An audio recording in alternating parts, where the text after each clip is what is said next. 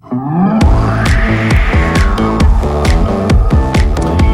mitt navn er Ole Henrik Antonsen, og du hører på episode 28 av Bak spakene, podkasten om produsenter, teknikere og låtskrivere. Gjest i denne episoden er Odd Martin Skålnes. Han kommer fra Karmøy, men har en god del år bodd i Bergen og vært tilknyttet miljøet rundt studio Lydrike og Made Management. Odd Martin har vært sentral i å jobbe fram artister som Aurora og Sigrid, men han liker også å jobbe med smalere ting. Det skal du straks få høre mer om.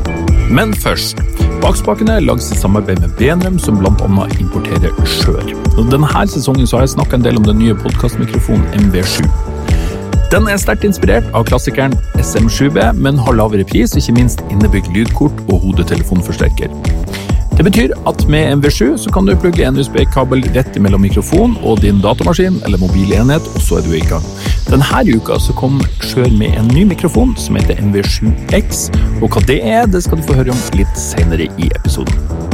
Bakspakene samarbeider også med Isotope, og nå er det store ting på gang. 13. oktober så kommer versjon 9 av RX. I mellomtida så har Isotope et stort salg på RX8 med gratis oppgradering når RX9 kommer. Så altså, du kan kjøpe RX8 standard, RX8 Advanced eller Post Production Suite 5 til rabatterte priser nå, og få de nye versjonene gratis når de kommer 13. oktober. Sistnevnte, altså Post Production Suite 5, koster nå 999 dollar mot normalt 1999 dollar. Det er altså halv pris. Les mer på isotop.com. Focusrite har også store nyheter på gang. I oktober nå så kommer det nye og oppdaterte utgaver av Claret-lydkortene. Serien som før het Claret USB, heter nå Claret Plus. Claret Plus kobles til datamaskin eller mobilenhet med USB-C og har fått oppdaterte konvertere med enda lavere forvrengning. Hodetelefonforsterkerne er også forbedra med mer transparent lyd. Claret Plus leveres med en veldig nyttig plug-in-pakke, Brainworks Focusrite ISA kanalstripe og Redd plugins ut med kompressor og EQ. Les mer om Claret Plus hos lydrommet.no.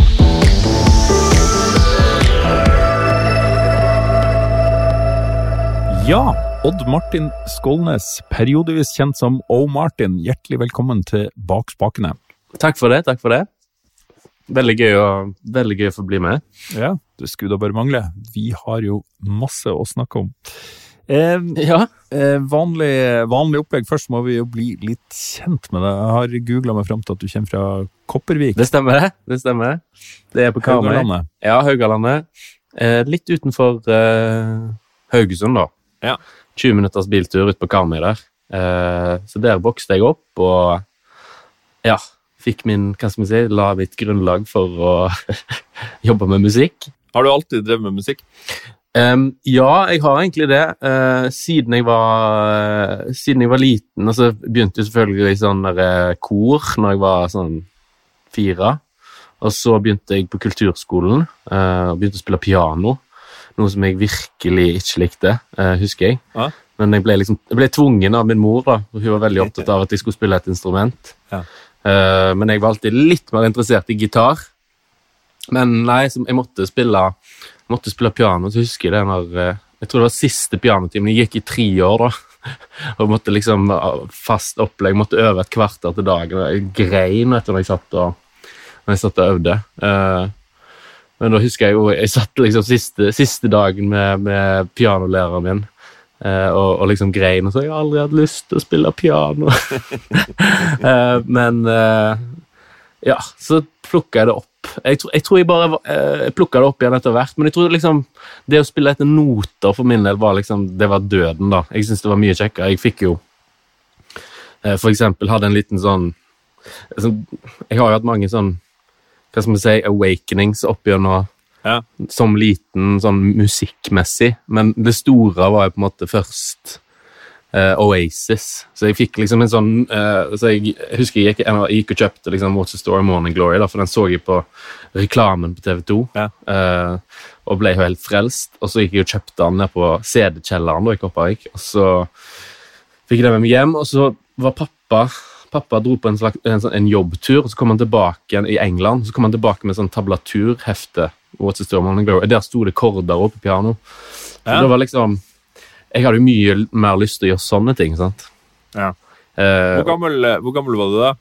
nei, denne var Denne kom vel ut i eh, Ja, 95, 95 tror jeg den kom ut, så det var vel rundt da. Det var jeg ni år. Ja. Så det var jo det som satte i gang liksom alt for meg, da, i forhold til låtskriving og alt. Det var liksom eh, Noel Gallagher og hans eh, Hva skal man si? Tyveriskriving. Ja, ja, han var eh, en hel jævel på det, altså. Ja. Eh, Hadde egentlig lært meg å spille gitar før det, når jeg var sånn seks år. Da kom pappa, pappa igjen. Det var veldig opptatt Ja, han var faktisk på jobbtur. Og så var, det var et eller annet sånn, men da kom han, dette var da han var seks år.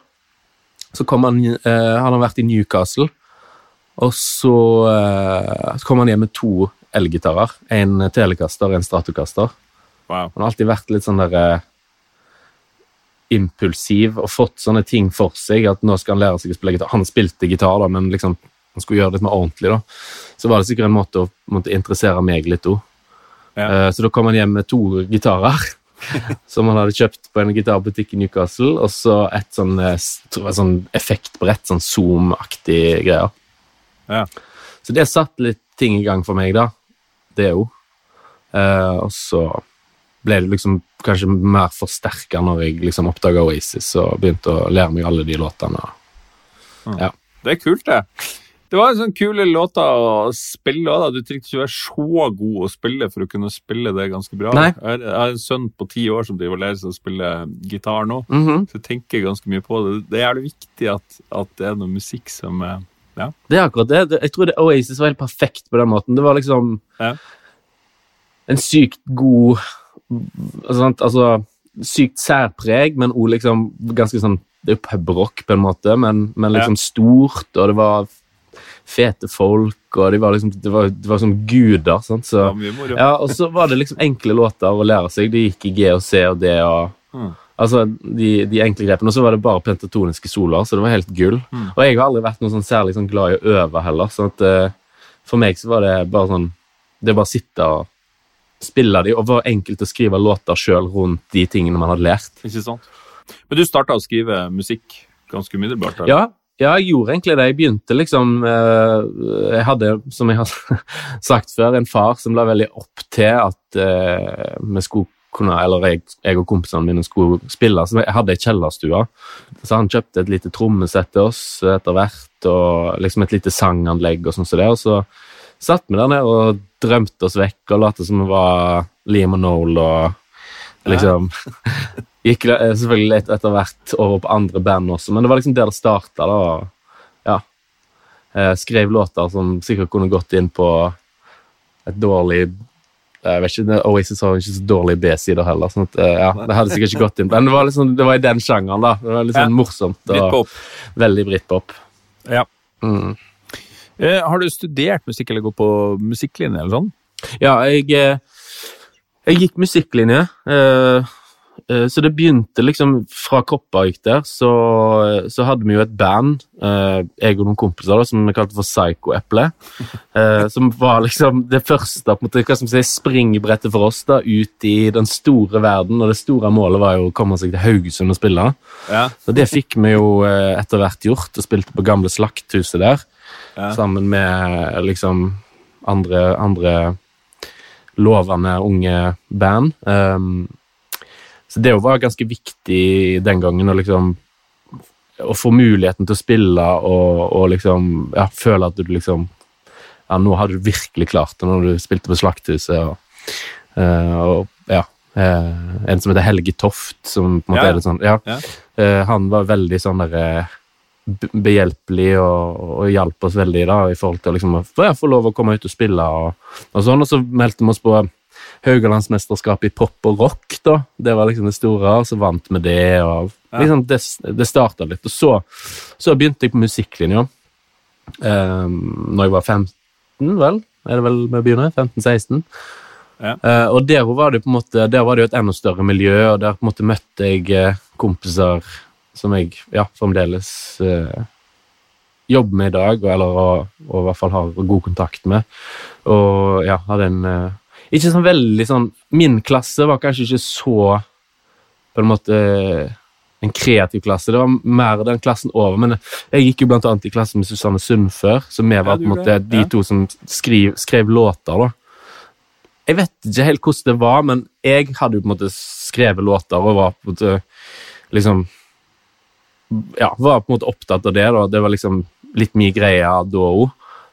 og og, um, og så vet jeg ikke om Susanne om hun begynte å skrive liksom, når hun begynte på videregående. Om hun hadde begynt litt før, det er jeg ikke helt sikker på, men jeg husker i hvert fall at vi gikk litt sammen da. Fordi hun hadde lyst til å vise noen låter hun hadde skrevet. Uh, så måte, jeg ble med hun hjemme en dag etter skolen, da, og da satt hun der på pianoet og skulle spille en låt som hun hadde skrevet for meg. Det var liksom Walls, da. Og da husker jeg jeg tenkte bare sånn fuck. Shit. Uh, det, det, var ganske, det, var ganske, sykt, husker jeg, uh, å, å opp, oppdage det talentet der, da, for det var ganske sånn der uh, Det var ganske tydelig at Susanne var ganske bra allerede da. Sto ute i Ja. og så ja, og så var det på en måte klassen over meg. Det var Odin Staveland, som nå er liksom blitt liksom vamp ja. Har tatt litt over for, for faren der, nesten. Og så um, ja, Øystein Braut fra Electric Eye, og han som seinere da spilte med i Alexander Quartet. Ja. Med meg, og eh, Njål Clemensen fra Megaphonic Thrift, Linn Frøkedal eh, fra Megaphonic Thrift, og liksom Så det er liksom sånne navn som altså De har på en måte fremdeles De holder fremdeles på, da, så det var ganske sånn eh, spesielt miljø, egentlig. Ja. Veldig sånn kreativt. Og så hadde vi jo Tom Roger Odland som lærer.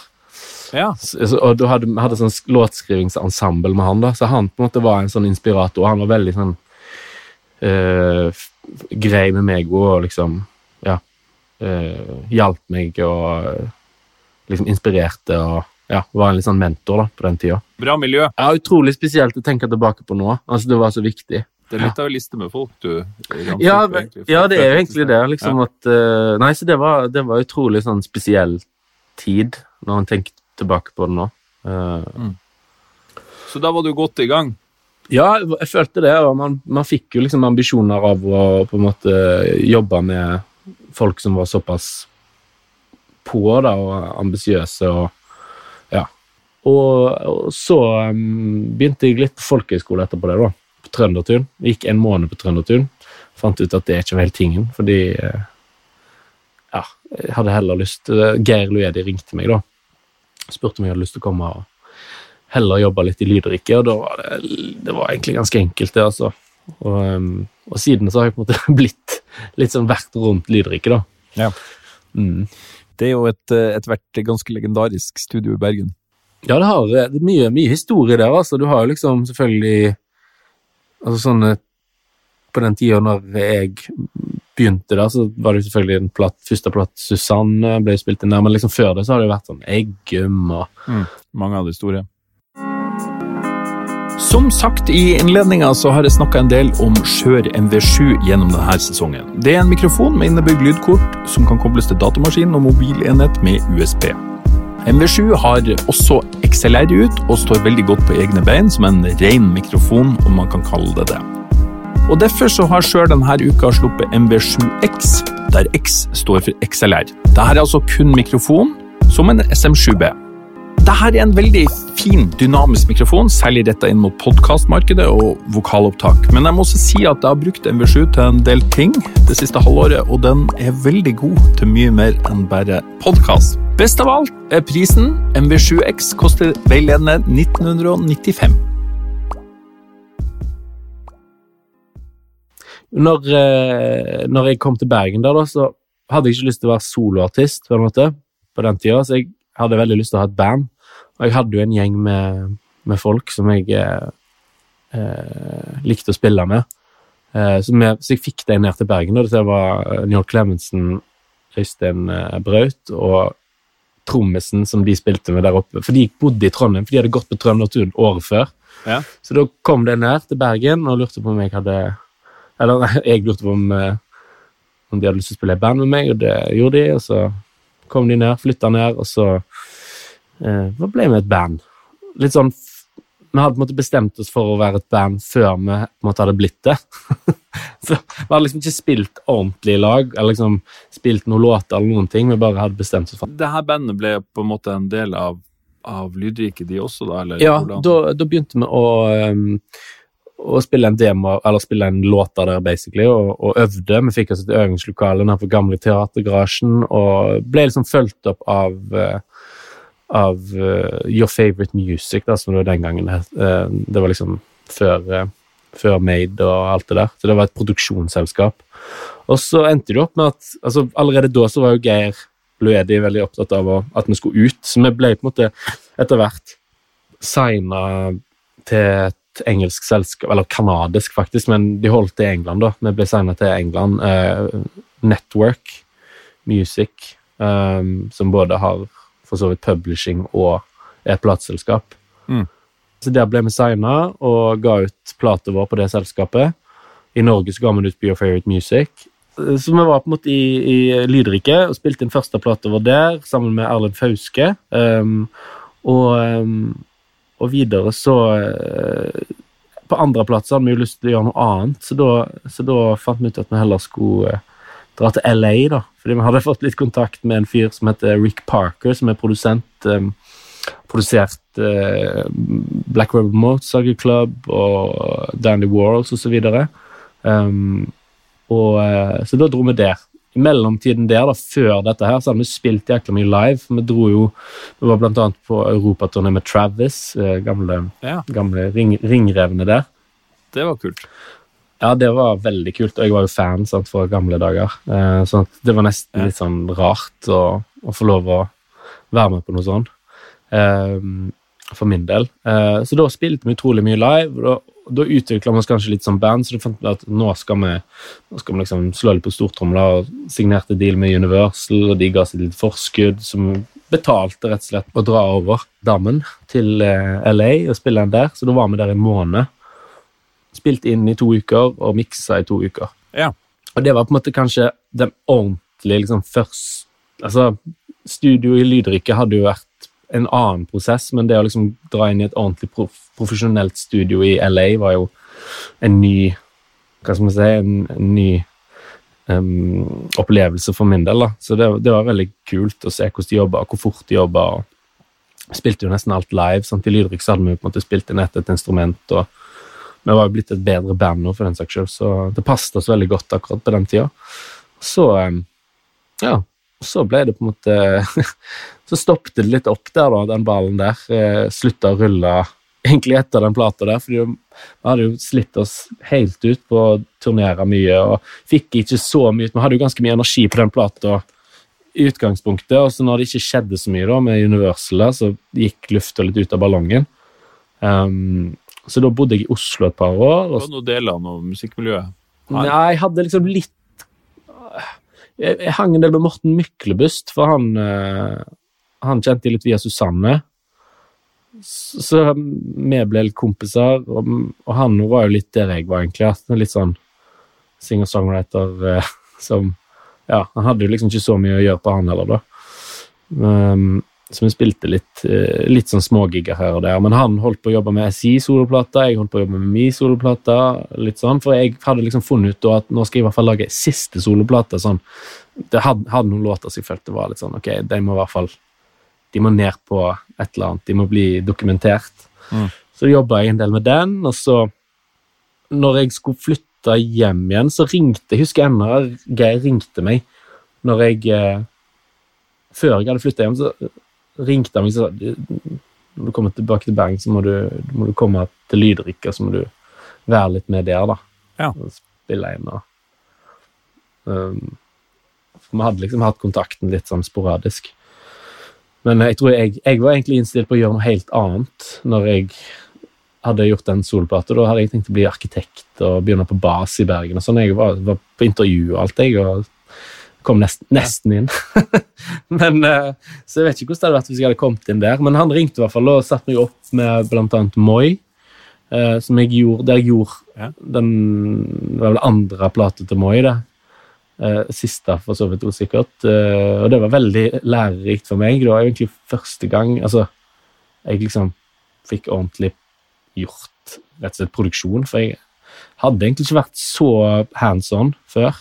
Veldig sånn hva skal man si, lite er jo litt sånn utålmodig av natur. Da, så liksom det å sitte og nerde i Pro Tools. Det var ikke så viktig for meg. Det viktigste var egentlig å skrive låter og lage demoer. Og så husker jeg jeg hadde så treg maskin på den tida, sånn at jeg klarte egentlig bare å fullføre en halv låt før liksom datamaskinen bare stoppte.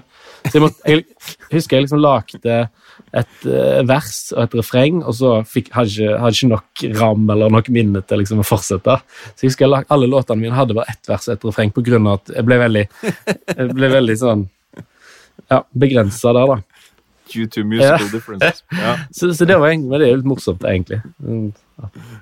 Um, så det ble en sånn dogme. Jeg skrev en del uh, låter, da, som men så kom jeg jo ned i Lydrykket og ble satt i dette her da, med, når jeg kom tilbake til Bergen og gjorde plater med Moi, og det var liksom utrolig sånn Utrolig kult å jobbe med Ingjerd, veldig flink.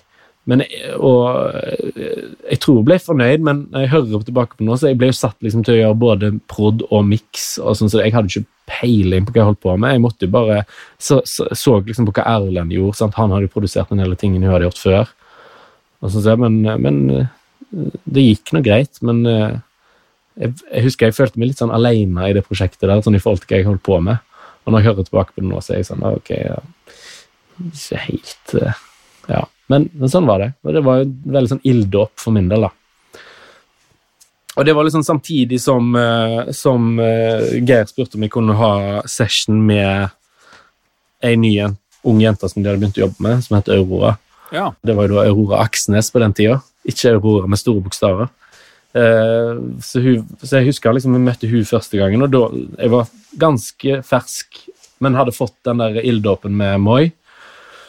Og liksom gjorde grev litt med Aurora, og vi følte liksom Ja, fant et eller annet og gjorde Awakening. Jeg tror vi gjorde litt endringer på låten, sånn, sånn strukturmessig, og sånn, så vi hadde liksom hele teksten. og sånn, så jeg, jeg tror jeg kanskje hjalp henne å forstå at det var et refreng og det var et vers. og liksom sånn, For hun var, hadde ikke sånn struktur på den måten, hun bare skrev på feeling. Hun visste ikke helt hva hun holdt på med. Og det er jo litt sånn Hva skal man si? da, Det er jo fremdeles en sånn utrolig kul ting med Aurora. At du har veldig sånn intuisjon på ting. og bare gjør ting som du ikke helt vet hva er. Og det er Kanskje mer da enn nå, selvfølgelig. Nå vet du jo enda mer, men da visste du virkelig ikke. Du hadde, jeg husker Det var veldig gøy, for du hadde nesten ikke noen musikalske referanser, bortsett fra liksom Leonard Cohen og, en, og Enja. det, det er bra for en 15-åring? Ja, ja, det var 15, og det var sånn, ja, og Bob Dylan. Det var liksom de tre. Enja, Cohen og Bob Dylan. Det er utrolig sånn rar kombo, men det, det kan man si. Eh, og det, det, måtte vi på en måte tolke, da. Eh, og prøve å hjelpe han å liksom bli en Bli eh, Ja, prøve å finne hennes uttrykk, rett og slett. Mm. Og det tar jo tid, men vi fikk jo mye tid til å gjøre det. sånn at vi kom jo et godt sted på veien på førsteplata, selv om det er jo måte, mange ting der som sikkert hun ikke ville gjort i dag, men men det var en utrolig sånn fascinerende tid å, se hva hun greide å få til etterpå. da. Mm. For dere var jo med virkelig helt fra start som band? og... Ja, ja, det ble på en måte band. Både jeg og Magnus Skjulstad, eh, som var min kollega i Lydrykk, vi, vi, hadde jo gjort sessioner separat eh, med, med hun, og så trengte de et band, fordi jeg, jeg tror dette var sånn to uker før Bylarm. Sånn, så, eh, eh, for de visste ikke helt om de skulle gjøre Bylarm. Mens men så fant hun ut nei, vi bare gjør bylarm. Og så, og så uh, ringte jeg og sa at nå må vi få bandet opp og stå. og Det var jo bare meg og Magnus som kunne låtene. Og så spurte vi Silja Sol uh, om hun kunne være med uh, og spille piano. og så satt vi sammen et band to uker før Bylarm. Raska sammen det vi hadde av låter. Det var ikke så mye å velge i. Men det var liksom Awakening, Runaway og Conqueror, da. Som var på en måte de tre låtene. Så var det noen, noen flere som måtte bare få inn. Som, vi hadde allerede gjort litt sessions i Tyskland, sånn så, det, så vi liksom hadde litt flere låter. Og så var det egentlig bare å dra til Bylarm og spille. og Visste egentlig ikke helt hva som ventet oss, men skjønte jo at det var litt greier på gang da når det var kø utenfor Herr Nilsson den, den kvelden vi skulle spille. Ja husker, altså etter vi var ferdig, Det var jo sykt god stemning på konserten, for det var jo helt fullt. Men tenkte liksom ikke noe mer på det. at uh, det var noe mer, Men det var gøy å være med på et prosjekt som hadde såpass mye oppmerksomhet. da. Ja. Det hadde ikke jeg opplevd på den måten før. Jeg hadde jo masse erfaring med å spille, jeg var jo ruttes på det, liksom, men, men ikke, den, ikke det der å liksom oppleve at så mange hadde lyst til å høre på det. Etter konserten dro jeg hjem til hotellrommet, og så bare jeg husker jeg skulle liksom legge meg, så fikk, jeg tror jeg fikk melding av Geir eller et eller annet sånt. At liksom, sjekk Dagblad, sjekk VG, eller sånn. Jeg husker ikke om det var VG eller Dagblad, så det var liksom sekser i VG da, bare Wow. skjønte jo ingenting, for jeg synes jo dette her var liksom ganske halvveis. Vi hadde liksom holdt på med dette i to uker, og, og sånn, ja, sånn så som så, og i hvert fall på den tida, jeg hadde aldri for eksempel spilt med tracks, eller sånn som det, det var ikke snakk om, det, det føler liksom, ja, det var i hvert fall ikke noe jeg drev med på den tida, og det var noe som vi liksom etter hvert fant ut at vi skulle gjøre. Ja. Men da var det, det var akkurat det. Det var, det var bass, trommer med en sånn, og Så husker jeg Magnus hadde fått tak i en sånn, en sånn sånn trommepad som hadde noen sånne stygge lyder. Det var, det var et eller annet virkelig. Og så var det et Rhodes-aktig piano, liksom. Det var det. Det var det. Ja. Det var et ganske tynt lydbilde, for å si for å si det sånn. Men det funka på en eller annen måte. Det var et eller annet som funka. Mm. Og etter det sant, så ble det jo signert til Dekka og Glassnote i USA. Altså, jeg var jo med på en måte i den signeringsprosessen med Aurora. Sånn. Fikk liksom, jeg var jo oppe på gamle um, Atlantic-kontorene i eh, USA. Sant? Så var vi der og spilte, og liksom, ting begynte liksom merke at nå begynner det å, begynner det å skje ting. Folk var veldig interesserte. Og så endte det opp med å signe på Glassnote. Ja. Så, så jeg, fikk liksom se den prosessen der. Um, og i tillegg var vi i studio, spilte inn plater, spilte en EP, gjorde Runaway. Så det var ganske sånn surrealistisk å tenke på nå. Mm. Så jeg er veldig glad i det. Jeg syns det er veldig kult å liksom ha fått vært med på den prosessen der, da. Ja, hvordan var det? Den, den plata, som du sier, det ble jo mye hype underveis. Hvordan var det å jobbe med det når, når ting liksom bare stiger og stiger i forventning? Ja, det vet ikke, altså nå, nå er jeg blitt litt sånn Jeg skal ikke si blasert, men nå er jeg på en måte blitt litt vant med å forholde meg til at artister er store. Men jeg tror på den tida var det litt sånn sykt, egentlig. For jeg hadde liksom aldri følt at jeg hadde vært med på noen ting som liksom betydde noe. Men nå følte du liksom at du var med på et eller annet som betydde noe. Ja. Og det var jo ganske sprøtt å se Ikke bare liksom at verden ble mindre, men, men også at liksom å se artisten vokse. Uh, artisten eh, Aurora vokse og bli mer en, ja, en selv, selvstendig artist etter hvert. da. Um, og det å få være med i den begynnelsen av den prosessen og se hva som er viktig, og hva som, hva som kreves, og hvordan det funker, og i hvert fall den prosessen der.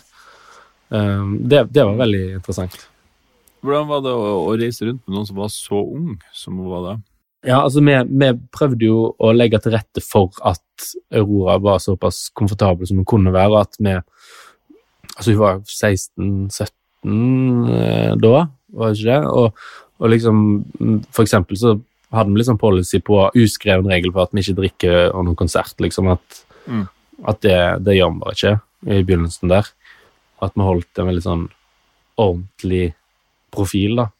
For Aurora. Sånn at hun Voks, ja, bare sånn at hun liksom skulle ja. uh, Hva skal man si Bli oppdratt litt greit, da, og at det ikke skulle bli sånn rølpegreier med en gang.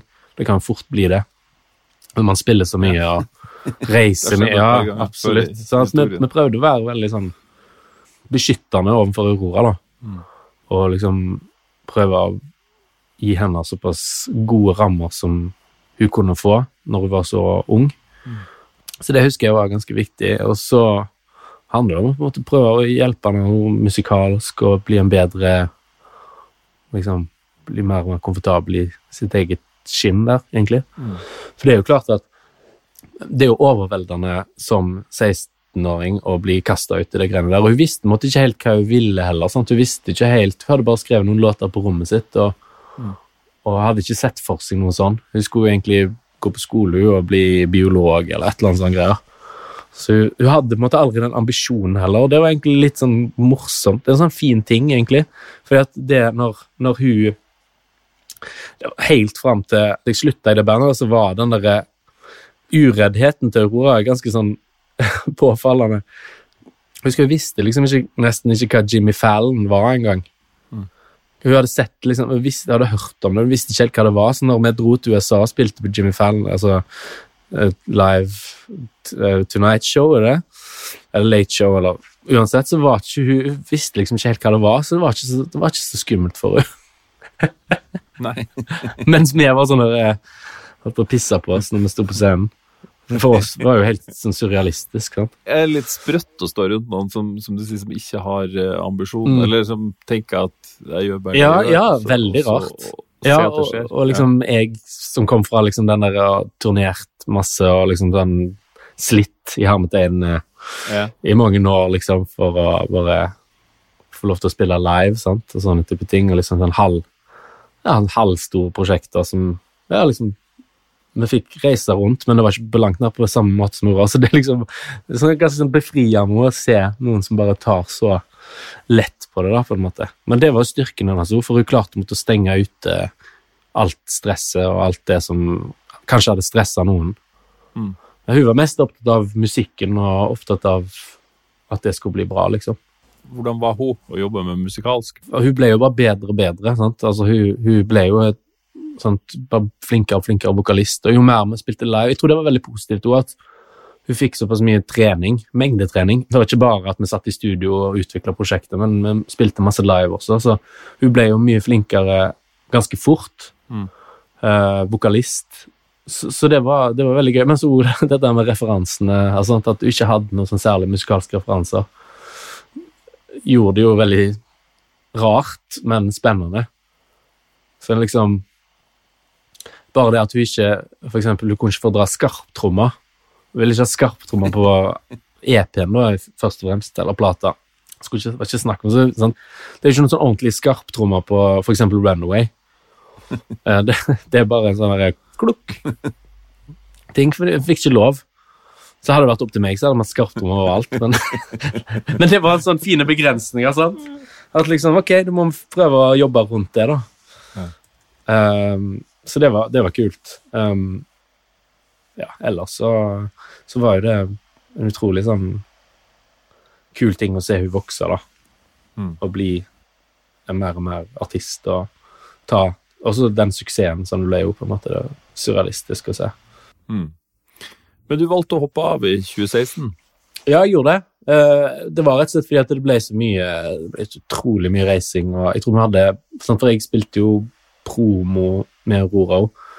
Eh, gitar, ak akustiske sessioner og I tillegg til både, altså Jeg og Aurora reiste jo kanskje 30% mer enn de, de andre i bandet. Og jeg hadde jo på en måte egentlig lyst til å jobbe med musikk i studio. Ja. Skrive og sånt. Jeg hadde jo allerede signert publishing med Glassnote i forbindelse med at hun signa der, så ville de signe meg på publishing. Så jeg liksom hadde en kontrakt der som jeg hadde lyst til å på en måte bruke litt mer, da. Mm. Og mm, i tillegg til å ja, utvikle meg som produsent og, og jobbe mer i studio. Jeg følte liksom at eh, Ja, vi gjorde alt det Aurora-greiene, men det var jo mest racing. Og så var det liksom noen sånn skippertak her og der når vi skulle gjøre EP-en. Um, sånn at um, Ja, og, og, og plata. Mm. Så det ble mye, mye sånn, så jeg, jeg fant ut at ok, nå, nå er det nok, og da Så den siste turen vi hadde, det var første gang vi hadde buss eh, på turné. Det var liksom i slutten av 2016, sånn ordentlig turnébuss. Vi faktisk liksom hadde litt tid til å gjøre andre ting enn å bare sitte på en flyplass eller noe sånt. Um, og da da, da lærte jeg meg Ableton Live, da. Ja, ok. Ja. Liksom, jeg tenkte, det var første gang jeg hadde gjort noe konstruktivt på, på turné, følte jeg. Altså Bortsett fra å spille og Ja. levere der, liksom. Så, ja, for ellers var det helt umulig å jobbe Jeg er ikke sånn som kan sette meg og jobbe liksom, i en halvtime på en flyplass. altså Det går ikke. Nei. Men da vi satt i turnébussen der, så satt vi og bare chilla. Jeg satt og lærte meg Ableton via han eh, eh, pianisten, eller syntisten, som hadde med oss i i USA. da, Han, han brukte det. Så lærte jeg mye det.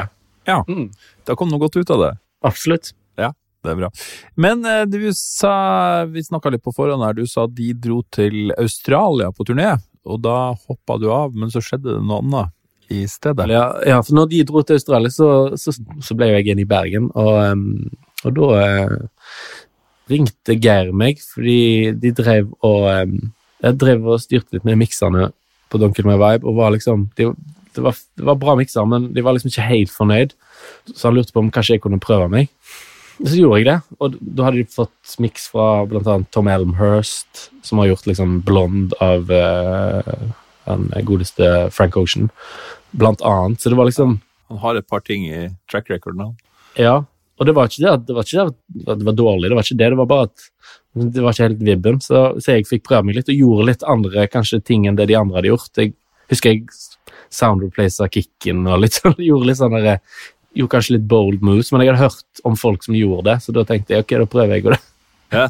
jeg følte liksom det var litt sånn. Og så, um, så endte jeg opp med å få den miksen. og Det var litt sånn det var sånn battle, nesten. sånn Det var ned til to mikser, og så gikk de for min. Wow, det ha vært veldig kult. da. Ja, det var utrolig, utrolig gøy å, å, få den. For vi visste jo på en måte at Don't Kill My Vibe da, hun, altså Sigrid har jo ikke gitt ut noe, da, bortsett fra noen tidligere greier som ikke var uh, Ja, hun hadde jo vært signert på petroleum en stund, men var, det var liksom ikke noe så, så, Men vi visste jo på en måte at Don't Kill My Vibe var en hit. Ja. Alle som hadde hørt den låten, visste at det, der, det, det er en hit. Altså, det var utrolig liksom å høre det. Den var ganske umiddelbar. Så. Ja, veldig umiddelbar, og sa mye om hvem Sigrid var, og bare satt en sånn presedens da, mm. for henne. Eh, så, så, jeg visste på en måte at å få miksa den, det kommer til å være ganske fett. Um, så da bare ga jeg alt jeg hadde, og så fikk jeg den til slutt. Altså, så det var veldig stas. Hvor mange, Gjorde du mange versjoner sånn da, eller var det Ja, jeg husker vi satt på dagen der uh, og liksom Før han skulle til master og bare gjorde sånn siste tweak, liksom. Så det var samme dag. Ja. Sendte jeg han over til Alex. Det var faktisk Alex Wharton da, i Abbey Road som gjorde det. Som master? Ja. Mm. Så um, Det er kult. Ja, det har liksom vært det, det, var jo litt fint at det var litt trygt der òg, da. For jeg har jobba ganske mye med han før på andre prosjekter, blant annet soloplata mi. Ja. Sånn at Sånn at uh, Ja, det, det, var veldig en fin sånn Litt trygg havn å lande i. Visste at det kom til å bli fint. Og når han sa at det var greit, så var det vel greit. Men jeg var veldig usikker, så jeg hadde ikke gjort noen miksing, sær, noen særlig miksing før den. Nei, det er ikke så verst å konkurrere ut han Tom. Nei da, absolutt ikke. ikke. Men det hadde nok mye med liksom at jeg hadde en litt annen tilnærming til det, tror jeg. Mm. At vibben var litt annerledes. At jeg tror jeg, jeg fikk liksom Jeg tror det var litt mer denne gruven i låten kom litt mer fram. Jeg husker han var, de versjonene jeg fikk, var ganske sånn tunge. Mm. Um, og jeg prøvde å gjøre han litt lettere, litt mer bouncy, på en måte. Ja. Uh, og det, det funka, det. Det funka bra. Ja. Men du, du, gjorde mer enn å mikse med Sigrid. Du var også med å skrive låter? Ja da, og Sigrid hadde jeg på en måte kjent en stund før dette her, fordi at eh, hun hadde jo vært litt sånn hun, hun, bodde jo allerede i Bergen før hun begynte å jobbe med Made, og hun studerte litt og Hun var litt sånn rådvill, visste ikke helt hva hun skulle gjøre, og hadde allerede sendt meg noen demoer og sånn før hun Før hun liksom hadde begynt å jobbe med Made, da. Så jeg visste hvem hun var. sånn så da, Og når hun da begynte å jobbe med Made, så ja, var det bare hyggelig, fordi vi kjente hverandre litt, og hun likte litt mitt Jeg har et band som heter Stranger Lows, eller som, som er litt sånn sideprosjekt for min del. Litt sånn indie, indie rock eh, Hva skal man si? Ja, sånn noe, noe å ha litt sånn gøy med ved siden av. Ja. Og det likte Sigrid veldig godt, så vi har på en måte snakket litt der. og ja, om sånne ting. og ja, Hun hadde sendt meg demoene sine, og det var masse fine låter der. Og Så begynte hun å jobbe med Made, og så begynte ballen å rulle litt mer. for da brukte jo sånt, Geir og, um, og, gjengen der hadde jo allerede hatt suksess med Aurora, så de, de hadde litt hadde jo en del mer kontakter nå, og visste litt mer hvilken vei de skulle gå. sånn at det, ja. det var liksom litt mer, et litt mer effektivt prosjekt. Så det, så det førte jo til at liksom, kanskje det Sigrid eksploderte jo litt fortere enn det Aurora hadde gjort. da. Ja. Så det var sånn utrolig spennende å se den nå, da. Altså fra hun på en måte Husker liksom vi satt Vi tok en øl i tipper det var i 2016, jeg, eller noe sånt. Fram til liksom i 2017, var det det? Når hun satt på Når, når de spilte på Wembley. Det var- altså, det var helt Det gikk jo så fort. Plutselig så ser du liksom Sigrid stå der på Wembley og synge det, det var litt spesielt. Det var kanskje 2018, men ja, to år fra det. Det er sånn spesielt å se den transformasjonen der òg. Ja. Ja, det er rått. Det er rått. Det er Og det, altså, det er jo så kult at vi klarer på en måte, at vi har klart å få noe sånn ut av Bergen. Noe, sant? Altså, det har vært litt Jeg tror det som har vært litt Hvis man kan kalle det en oppskrift, så er det jo litt det at liksom at fått to sånne suksesser. Selvfølgelig har den ene hjulpet den andre, på en eller annen måte også. men samtidig så har det jo vært at vi har gått Geir har jobba seg opp mange år med kontakter. og Det har jo vært en lang vei for han nå i forhold til all, altså, alle de han har eh, blitt kjent med opp gjennom årene. og sånn, Til slutt så leder det til at Aurora og så Sigrid kunne måte, at, at de prosjektene fikk et større springbrett. da. Mm. Hva er det med Bergen? Hvorfor har det skjedd der, tror du? Jeg tror det handler litt om at um, Jeg tror det handler litt om at uh, um, Altså At det er en liten by. At det er ikke så mange som driver med ting. At man får tid til å utvikle seg. At man får kanskje litt, litt flere sjanser da enn kanskje ville fått i Oslo. Mm. At man liksom Man tar seg litt bedre tid. Og at vi har hatt en litt annen strategi. Altså at man, Vi har ikke gått til Oslo, men vi har gått til London. eller det vil si at Petroleum har jo vært i Oslo. Det har på en måte vært plateselskapene til i hvert fall Aurora og, og Sigrid. da. Men at liksom det har Petroleum tatt seg over i Oslo, så har eh, management gått mot London og USA og Tyskland, og ikke gått via et stort selskap i Norge. da. Det tror jeg har vært et clou, altså. Mm. Fordi at da kommer du jo til der du vil, på en måte. Det, de fleste popartister i Norge vil jo egentlig ut, som, i hvert fall som synger på engelsk. Ja, ikke sant? Og da er det jo bedre å gå ut, Ja. kanskje. Og, det, og da hadde på en måte made de rette kontaktene da, i forhold til å få det til. Plutselig. Men det har ikke alltid vært sånn.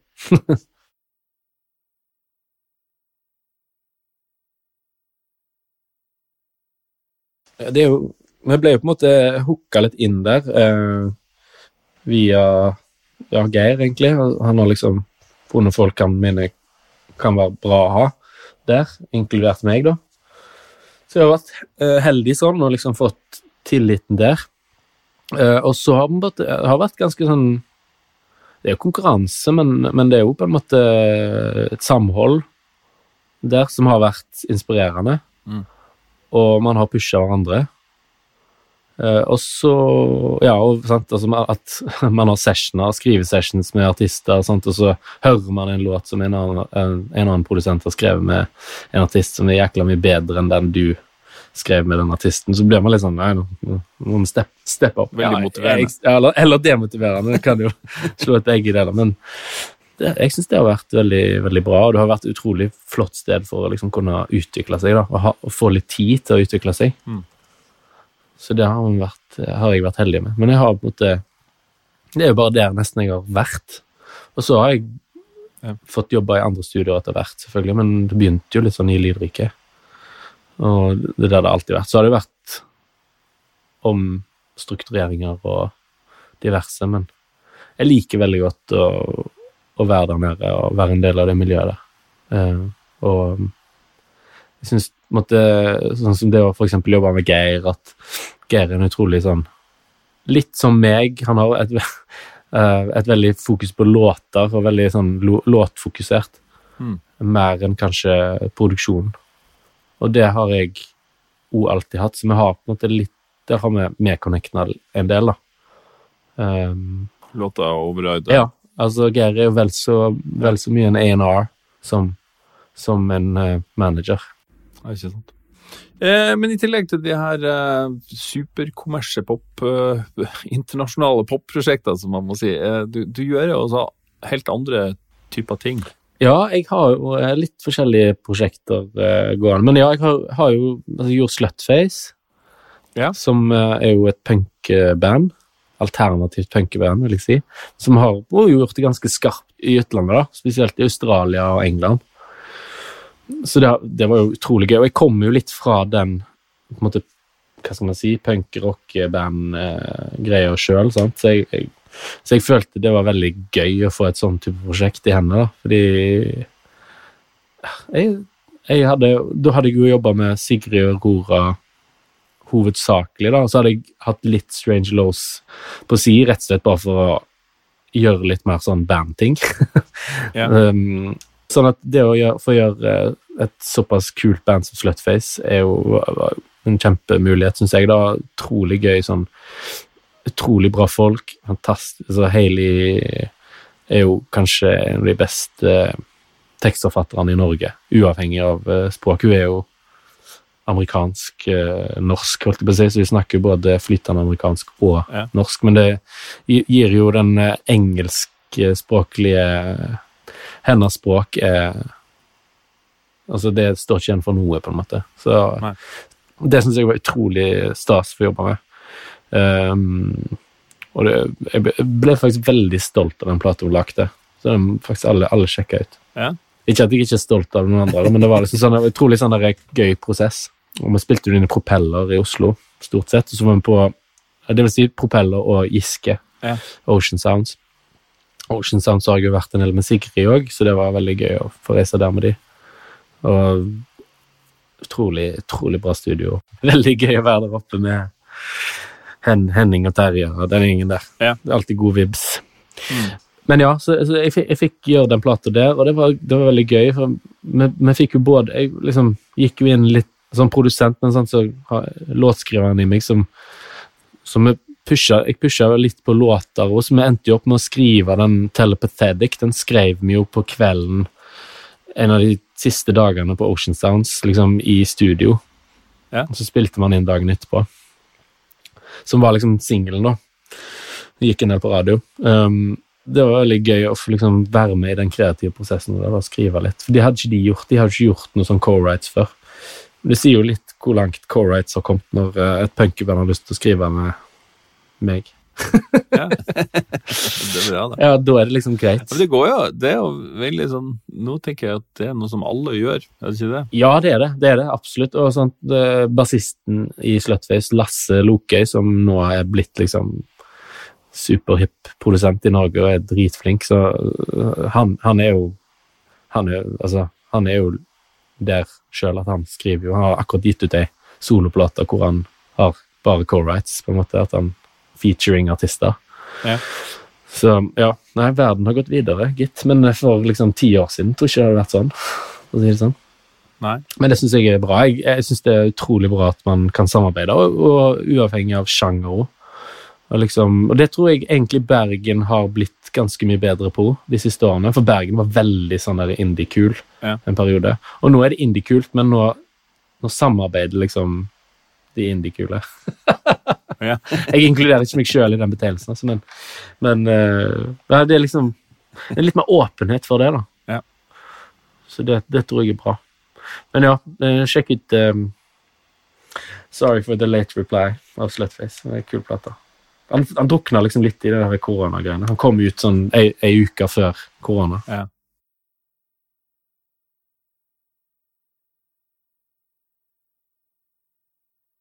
Andre prosjekt som du jobber med for tida? Mm. Skal vi se om jeg tenker Jo, jeg, jeg eh, Ja. Um, etter uh, Slutface så gjorde jeg litt Daniel Kvammen. Um, og, og begynte på plata hans. Vi spilte inn uh, store deler av plata, og så kom jo koronaen, så da ble det litt sånn sendt i filer til Oslo og sånn så det. Og, så jeg er veldig spent, veldig spent på hva det blir ut av det. Um, Ja, for det er andre som jobber videre på det. jeg vet ikke helt, egentlig. Jeg hvor det ligger an nå. Så, så, så vi får se, men vi, vi gjorde i hvert fall eh, store deler av ei plate der, og så ble det miksa i Oslo. Så jeg, men jeg, jeg vet ikke. Du vet aldri med Daniel. Han kan finne på, finne, finne på mye løye, så det blir spennende å høre. Ja. Ehm, og så eh, har jeg jobba nå Siste greia nå er ehm, Red Moon har jeg gjort en EP med ja. eh, som er en norsk artist som er signert på Dekka. Som er veldig kul, som vi har egentlig skrevet alle de låtene sammen. Så det blir litt spennende. Så den er litt sånn i avslutningsfasen nå, på liksom mikse ferdig, egentlig. Ja. Og så er det ja, så er det mest skriving, og så er det litt sånn nye prosjekter for Made som jeg syns er gøy å holde på med. og så ja, jeg litt, har jeg litt sånn andre jern i ilden som er litt sånn ferske, som jeg ikke skal snakke om. Så. Det er det hemmelige. Ja, det er litt sånn eh, det, Ja, det er det. Så, ja, så har jeg gjort litt mer, gjort litt mer miksing og sånn. Ja, Ja, for det ble litt mer miksing kanskje etter Ja, det var litt enklere, det var litt, det var litt vanskeligere å treffes og sånn, så å gjøre miksing var litt sånn um, kult å gjøre nå, egentlig. Og jeg brukte mye sånn audio movers og sånn, og jobba med artister i, utenfor Norges grenser, og det har på en måte nesten utvida horisonten litt, på en måte. Ja. Så det har Hvordan sånn- Er det bare sånn på tilfeldig, eller har du noe, er det noen som jobber for deg for å få inn de jobbene? Eller hvor- Nei, skjer det, er, det skjer litt sånn organisk, egentlig. Og så er det jo litt sånn på hva jeg har gjort før, og folk tar Ja. kontakt. Og hvis jeg liker prosjektet, så syns jeg det er gøy å gjøre det. Så det trenger ikke nødvendigvis være sånn at uh, det må være så og så stort. Jeg, for meg handler det egentlig mest om at det er bra. Mm. Uh, at det er god stemning, som de sier i Bergen. Ja, det er bra. Ja. Det må det være. Ja. Du, eh, jeg snakka litt underveis om det, men låtskriving Mhm. Og låtene dine Du, du kommer fra en singer-songwriter-bakgrunn slash rock, indie slash Mm. punk. Mm. Altså kanskje litt annerledes enn den typiske popfabrikken. Ja, det har på en måte kanskje vært mitt Hva skal man si eh, skal ikke, Ja, altså det har vært mitt, min styrke i hermetegn i de prosjektene, tror jeg, at eh, jeg kommer litt mer fra en sånn hands on eh, At jeg har en, den type bakgrunn. At jeg har liksom den akustiske gitaren, akkorder, vokal um, utførelsen. At jeg kommer litt sånn fra den greia. At jeg har liksom et soloprosjekt, og at jeg liksom gjør At jeg utøver litt òg, da. Og det tror jeg er litt kanskje min styrke i produksjon nå. At jeg, at jeg har vært på den andre sida av bordet der. I forhold til både når det kommer til låtskriving og produksjon. Og at jeg ehm, Ja, så har jeg på en måte òg ganske grei kål på Jeg vet ikke, på Nå er det litt mer om produksjon, da, men liksom sånn Jeg er ikke noe god trommis, men men jeg har vet hvordan et trommesett fungerer. Altså, jeg har liksom sånn Jeg spiller bass, spiller gitar, spiller piano. Altså, jeg, jeg har litt sånn oversikt der. Men um, Men uh, at jeg er litt sånn uh, potet. Altså, jeg er ikke sånn dritgod på noen ting. Det er sikkert litt eh, lite sånn Det er ikke så intim... Hva heter det? Sånn intimidating for artisten. At jeg er litt sånn halvveis god på Nei, Jeg vet ikke. Uh, nei, men, men ja, at jeg, i hvert fall låtskriving, så at jeg kommer fra en litt annen bakgrunn enn Altså, jeg har, ikke vært, jeg har aldri lagt russe, russelåter eller lagt hiphop-beats eller noen ting sånn. Noe kanskje jeg skulle ønske jeg hadde gjort av og til, men så jeg har måttet liksom Når jeg har gått inn i en prosess, så har jeg kanskje gått inn i en uh, med å måtte kanskje sette meg inn i ting på en, og høre, høre det litt, kanskje på en annen måte. Ja. Mm, Ja, når du, når du starter på et nytt prosjekt som du, du gjør nå, hvordan, hvordan går det til vekst da? Altså, hvis, hvis det er ting som du ikke Jeg må jo på en måte gå, gå inn med en litt sånn ydmyk eh, holdning, kanskje. At eh, jeg har aldri påstått at jeg har noe fasit på noe, i hvert fall. Og jeg prøver jo å lytte så mye jeg kan til artisten, og så er det jo selvfølgelig kan jeg si eh, om noe funker eller ikke, men, eh, men jeg tror jeg er litt sånn ydmyk produsent. Ja. Hvis jeg skal, skal tenke litt sånn at jeg jeg setter ikke noen sånn fasit på hvordan ting skal være. Og så kan jeg selvfølgelig komme med mine innspill, og sånn, men, men det handler liksom om å gjøre artisten fornøyd. Og ja, jeg liker å leite, liksom. Jeg liker, jeg liker ikke liksom Sånn gjør vi det, og sånn blir det. For det blir aldri sånn som man hadde tenkt at det skulle bli i utgangspunktet. Nei, det er ikke sånn at du har en klar visjon, og så, og så Nei, og det er jo selvfølgelig forskjell på, på, eh, på prosjekter, men sånn som med første Aurora-plate, så er jo på en måte det et sammensurium av våre ideer, men òg alle de ideene til de som skrev de og de låtene med Aurora. For det var jo liksom noen låter skrev vi, men noen låter så skrev vi med andre. Så da, må, på en måte, da ble det en sånn ny innfallsvinkel som vi må tolke på vår måte, oss som produsenter. Og sammen med Sigrid jo, at liksom Der var det jo sånn Det var liksom sånn um, Helt i begynnelsen så visste man ikke helt hvor man skulle, så leita man litt, og så plutselig så kom Don't Kill My Vibe, og så ok, greit, det var der vi skulle, liksom. At det satt litt sånn føringer på Ok, det, dette er viben. Og samme med Slutface også, så gikk vi jo flere runder. Sant? Sånn med trommelyd, for eksempel. Sånn, prøv, først så hadde jeg en idé om at det skulle være litt sånn Stiva Lubini-aktig trommer. Men så endte vi opp med litt sånn tørre, litt sånn tette, komprimerte trommer. Fordi at vi prøvde litt forskjellig, og så funka det sykt bra på den låten. Og så ja, vi prøve det på den låten, og så går man liksom fram og tilbake og former prosjektet litt etter hvordan Etter ja, hva som skjer. Man følger liksom en slags sånn usynlig guide. Så du ønsker, du ønsker på en måte å få at artisten skal få en unik sound, mer, at du, mer enn at du påfører din sound til prosjektet. Ja, på en måte, men jeg er ikke sånn at det, det, må, det, skal være noe som jeg aldri har hørt før. Jeg syns det ofte kan være fint med en sånn gjenkjenningsgledeting. Altså, alt er jo referanser, på en måte. Eller alt, ingenting er nytt, på en måte. Jeg skal ikke være helt En del av det å bli gammel, vet du. Det blir bare verre og verre. Det er akkurat det. Man får flere og flere referanser etter hvert, men, men jeg er litt opptatt av å liksom Ikke nødvendigvis at Man skal ikke la seg stoppe av at ok, det har jeg hørt før. Jeg syns jeg syns det var kult å liksom Oi, det høres ut som en gammel låt. eh, Sånn som når vi gjorde Telepathetic, for eksempel, så, så var vi inspirert av um, Dancing, Dancing With Myself. Um, uh, Billy Idol. Mm. Um, ikke at jeg har hørt noe særlig på Billy Idol, men jeg hadde lyst til å lage, liksom, at vi skulle lage noe som var litt i den vibben. Ja. Og noe som var liksom sånn, og så brukte vi akkurat samme tempoet, akkurat, altså, så blir det liksom noe annet uansett med Slutface. sant? Ja.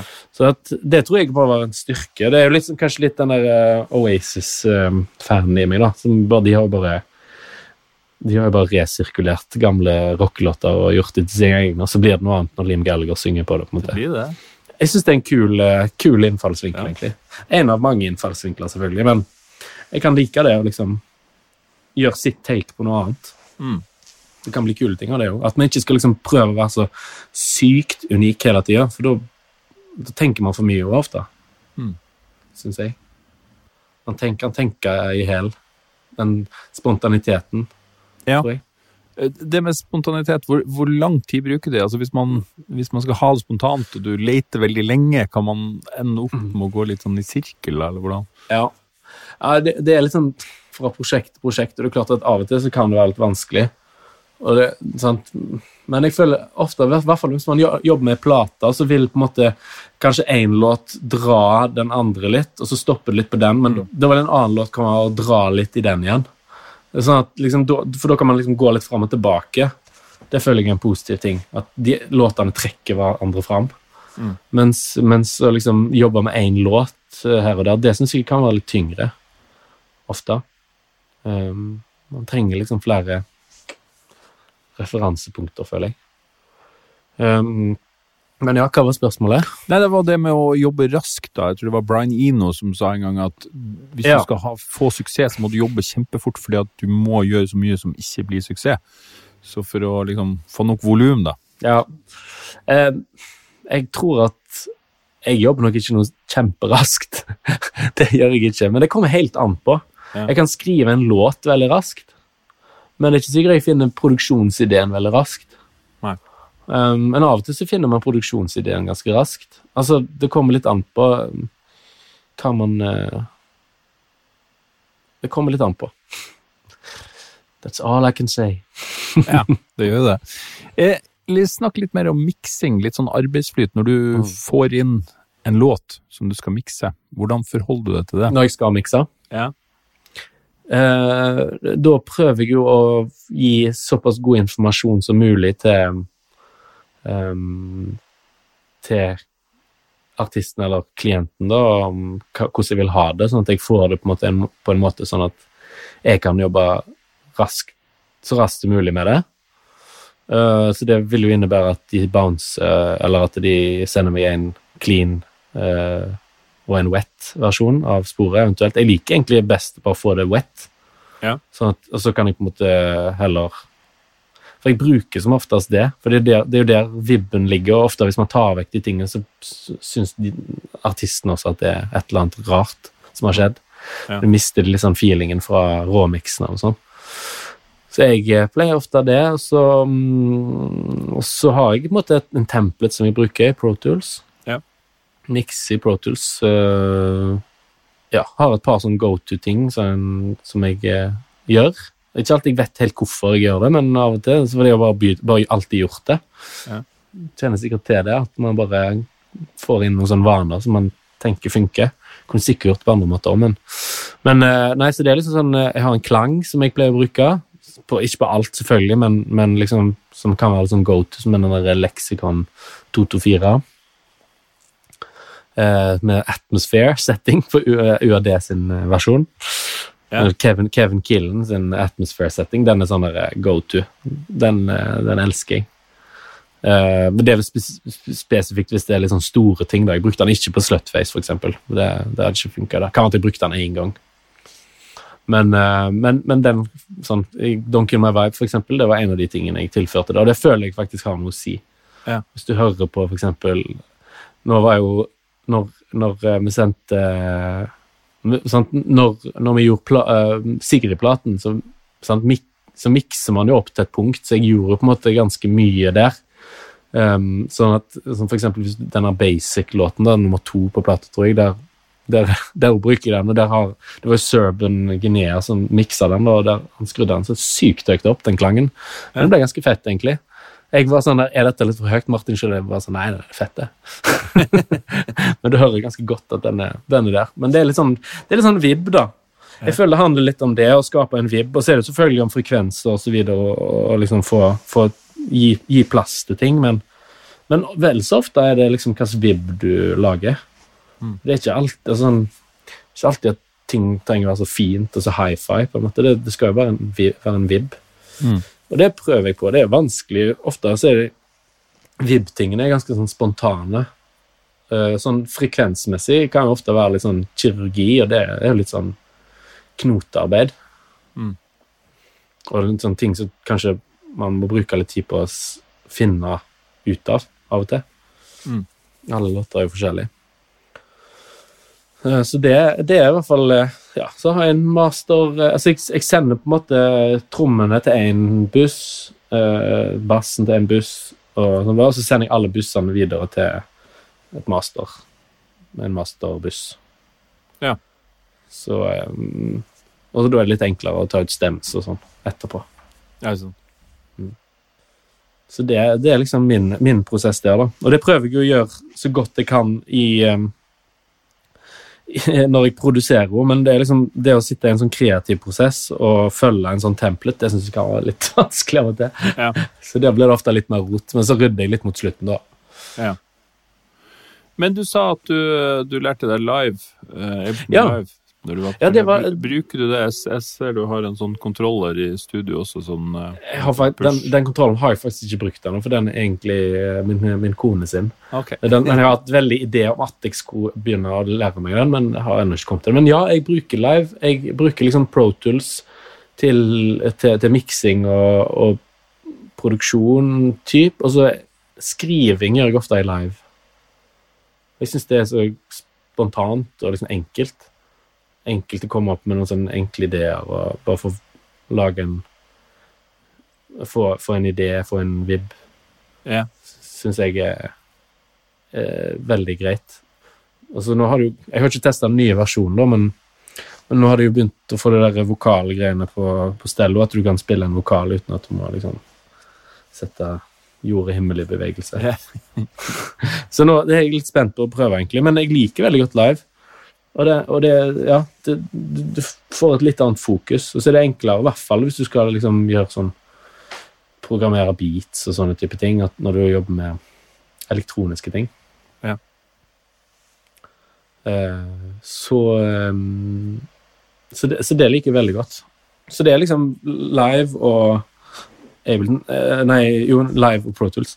Og nå syns jeg Pro Tools har begynt å bli bedre, bortsett fra at det er bare så ekstremt dyrt. Ja, det er det. Så det, det, er det, det det jeg ikke liker med Pro Tools. Det at det er liksom, jeg syns de er liksom knitne. Mm.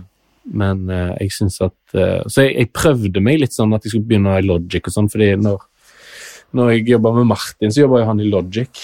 Ja. Og det var jo litt gøy å se hvordan han jobba der. Jeg lurer på om han har begynt med Ableton nå, han også. Ja, ja, ja, det er ikke dumt, det. Det er ikke dumt. Nei, Ableton er jo dritbra. Uh, og nå er jeg litt sånn spent nå når liksom Kanskje går an til og med å spille en trommer i Ableton, for det har jeg følt har ikke vært helt sånn. Det å spille en liveband i Ableton har ikke vært For meg har ikke vært et alternativ engang, men nå er det jo det. De, nå tror jeg de har fiksa litt på det òg. Ja. At, at, at liksom, for eksempel redigering av trommer, så kan du gridde etter ett spor sånn. Jeg, ja, jeg er ikke helt sikker på hvordan det der blir, men jeg gleder meg til å teste det. Ja. Du, vi må jo nerde litt på studioet ditt også, da. Det ser veldig fint ut. Jo, takk. Det er et litt sånn improvisert studio, faktisk. Eh, For jeg, jeg hadde faktisk studio hjemme eh, lenge, i kjelleren. Vi hadde et litt større hus, og nå har vi flytta. Sånn at, eh, så nå har jeg flytta ned igjen til Lydrik, så jeg har egentlig bare vært der i et halvt år.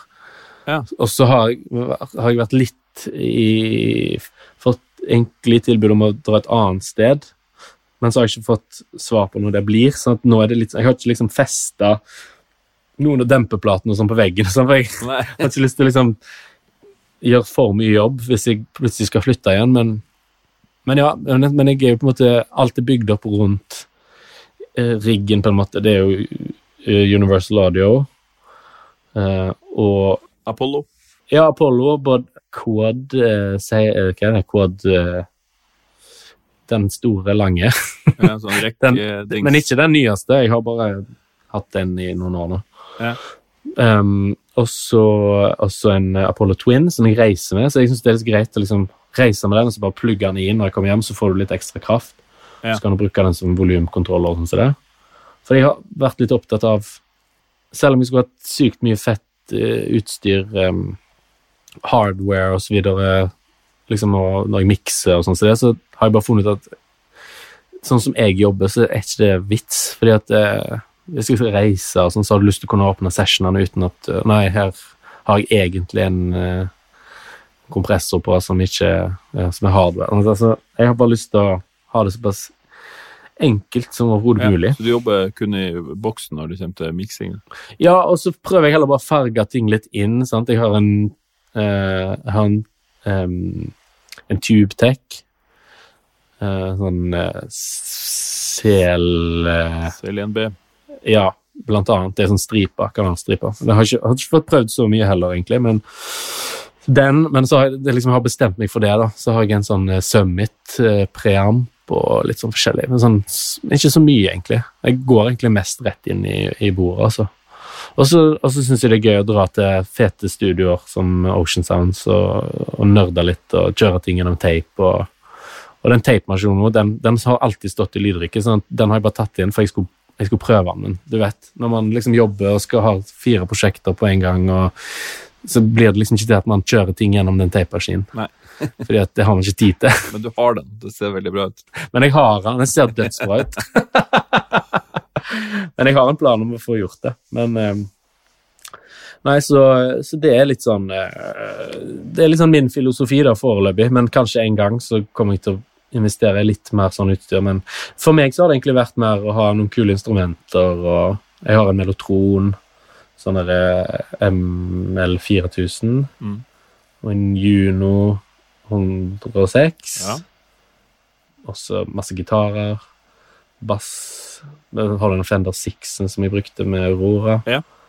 Um, liksom som, som er litt sånne ting som lager litt vibb. Da kjøpte meg, kjøpte meg trommesett. Nå var jeg, det har jeg ikke plass til nå, da, men det står ute i gangen. Men en sånn gammelt sånn Ludvig 1965-modell. Ja, Ringo. Som Ringo Oyster Blue, da, ikke svart. Men, ehm, Så det kjøpte jeg da jeg var i Chicago med Aurora. Fikk det shippa hjem. Wow. Så, så jeg har liksom investert litt sånne ting. da, også Sånn som den der vokalstripa, den eh, tube, eh, tubetekken. var litt sånn, For det har jeg alltid brukt, for det har vi hatt inn i lydriket. Så da har man hatt en CL1. Uh, og den har på en måte alltid vært Alt har gått gjennom den, da. I vokalen. Ja. Ting. Uh, sånn at, uh, så da hadde jeg lyst til bare å ha en sånn. Og, men jeg kjørte den der med EQ og kompressor og preamp i ett. Ja. Jeg husker ikke helt hva den heter. Men, eh, Nei. jeg liker den. Kul. Uh, og så eh, Ja, så er det liksom uh, Men så er det jo hva man har i hodet, da, som er det viktigste. Ja, det er noe med det. Det er noe med det. Du, jeg pleier å spørre um, hvilke, hva slags tips du har til en som er ny, som skal inn og gjøre det samme som du gjør nå. Hva er det du vet i dag som du ikke visste for 10 eller 15 år siden? Uff, ja um, Jeg syns jo at um, Det er viktig å prøve å være eh, nysgjerrig hele tida. Det er man kanskje når man er ung uansett, så det er jo greit nok, men prøv å ikke miste det, da. Og alltid Man kan alltid lære noe nytt, uansett hvor frustrerende det kan være. Eh, man blir aldri utlært. Det prøver jeg i hvert fall å tenke på. Og så em, Ja, hva mer? Jeg tror det er viktig å være Prøve å være en hyggelig fyr, tror jeg er lurt. Ja. Å være, ja, eh, prøve så godt en kan å gjøre det folk vil ha, tror jeg er lurt òg. Liksom prøve å legge av Selvfølgelig, man vil alltid ha en viss, et visst særpreg, men liksom Hvis noen har lyst på noe sånn, så må man prøve å gjøre det. Så vil man alltid ha sitt eget take på det, Mm. tenker jeg. Så eh, ja, å prøve nye ting. Ta noen prosjekter som kanskje er litt sånn Oi, dette skjønner jeg ikke helt. Men kanskje jeg kan lære noe av det. Eller av den artisten, eller Det tror jeg er lurt. Det er det du gjør nå? Ja, jeg eh, prøver jo det hele tida. Noen som liksom kan eh, hjelpe meg å bli en bedre musiker òg, da. Ja. Jeg syns det er veldig gøy. Ja. Jeg syns det er veldig givende. Og så skal du gjøre ei soloskive også? Ja, det er liksom planen. Det, det har, altså Jeg ga ut den soloplaten min, eh, Silence Fiction. Den kom vel ut for hva var det, 2014. Og så har jeg egentlig og så har jeg hatt pappaperm nå det siste året. Eller Ja. sånn fra august, eh, egentlig høst. Og da gikk jeg rundt og hørte mye på musikk, og det var sånn deilig å bare ha en sånn tid hvor jeg liksom ikke jobba med musikk. Så da hørte jeg masse på liksom litt mer sånn ja, amerikanerfolk som jeg har en veldig sånn forkjærlighet for, da. Og ble veldig inspirert, og så tenkte jeg jeg har jo ganske mye låter, og det er litt låter som jeg har skrevet med andre, og det er litt låter som jeg har måtte, hatt liggende, og litt nye ting som jeg har skrevet. Og så klarte jeg å Nå har jeg liksom samla alt, og samla tankene, og nå driver jeg og liksom spiller det inn, da. Så det er litt sånn spennende. Jeg gjør det bare egentlig for min egen del. Jeg har ikke noen sånn forventninger om at eh, det skal bli noe sånn svært. Jeg syns det er så gøy Mm. når en først har en idé, liksom, eh, om det har Ja, å få til noe Ja, bare samle noen låter på ei innenfor en, en viss tid. jeg syns det er gøy.